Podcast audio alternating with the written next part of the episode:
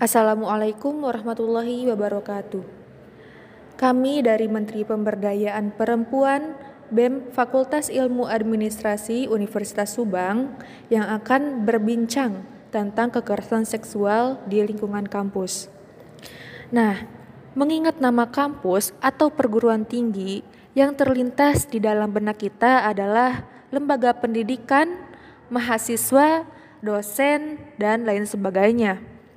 Terlepas dari itu semua, ada hal yang sangat sensitif dan juga urgent yang kerap terjadi di lingkungan kampus. Salah satunya adalah kekerasan seksual di lingkungan kampus, baik secara verbal ataupun nonverbal, baik secara langsung ataupun tidak langsung. Juga disebut KBGO atau kekerasan berbasis gender online. Nah, Belakangan ini tak henti-hentinya kita mendengar isu tentang kekerasan seksual, cerita pilu yang mengiris hati, bahkan di beberapa perguruan tinggi para pejabat kampus disebut menjadi pelaku. Kasus-kasus kekerasan seksual di kampus kerap menunjukkan keberpihakan kepada korban itu sangatlah minim. Dan sekarang kita akan mendengarkan kesaksian korban penyintas kekerasan seksual yang dialami di kampus.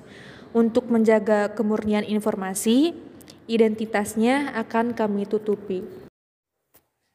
Yang pertama, apakah Anda bersedia untuk bercerita di podcast ini?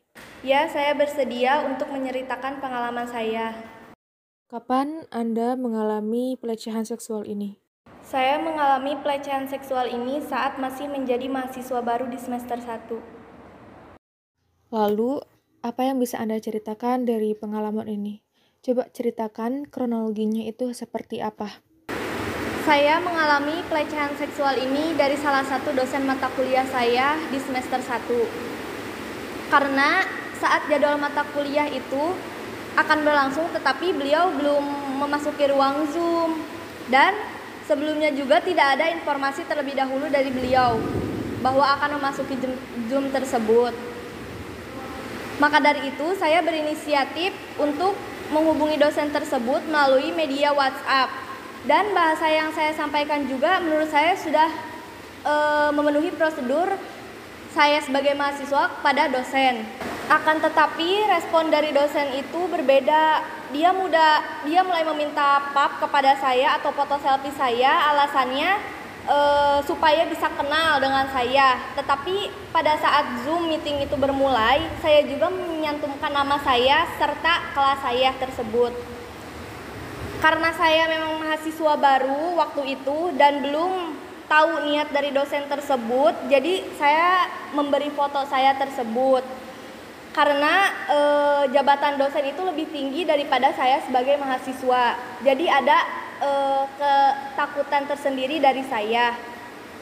Di minggu selanjutnya saya kembali menghubungi dosen tersebut dan balasannya masih seperti sebelumnya yaitu meminta foto saya kembali dengan alasan yang sama setiap saya, setiap saat saya menghubungi beliau. Setelah berkali-kali saya menyadari terdapat keanehan di setiap saya menghubungi dosen tersebut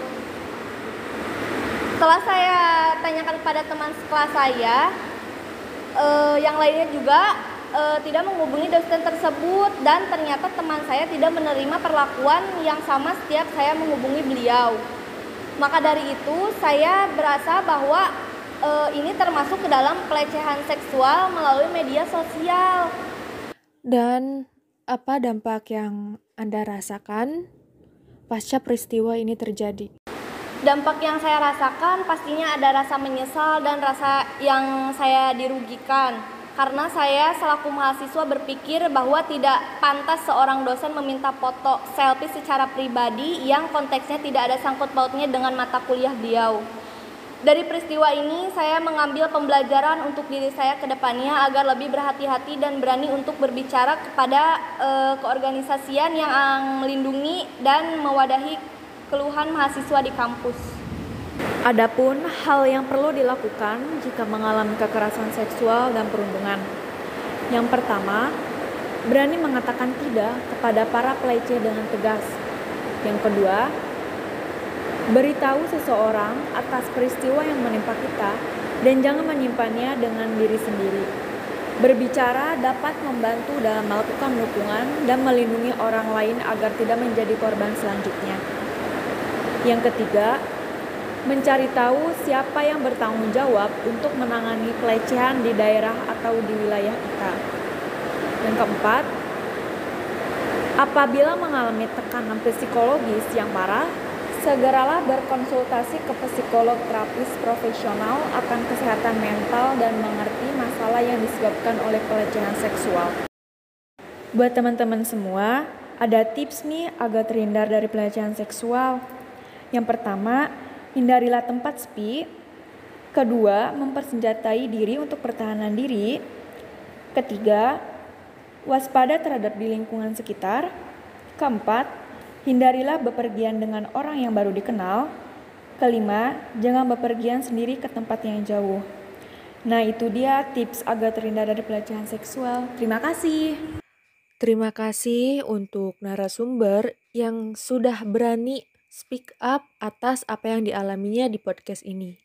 Uh, semoga dengan adanya podcast ini bisa menyadarkan para oknum ataupun pelaku pelecehan seksual dan juga untuk para korban pelecehan seksual yang lainnya jika masih ada, jangan takut untuk speak up dan melaporkan kepada lembaga yang menaungi ataupun yang lebih berwenang.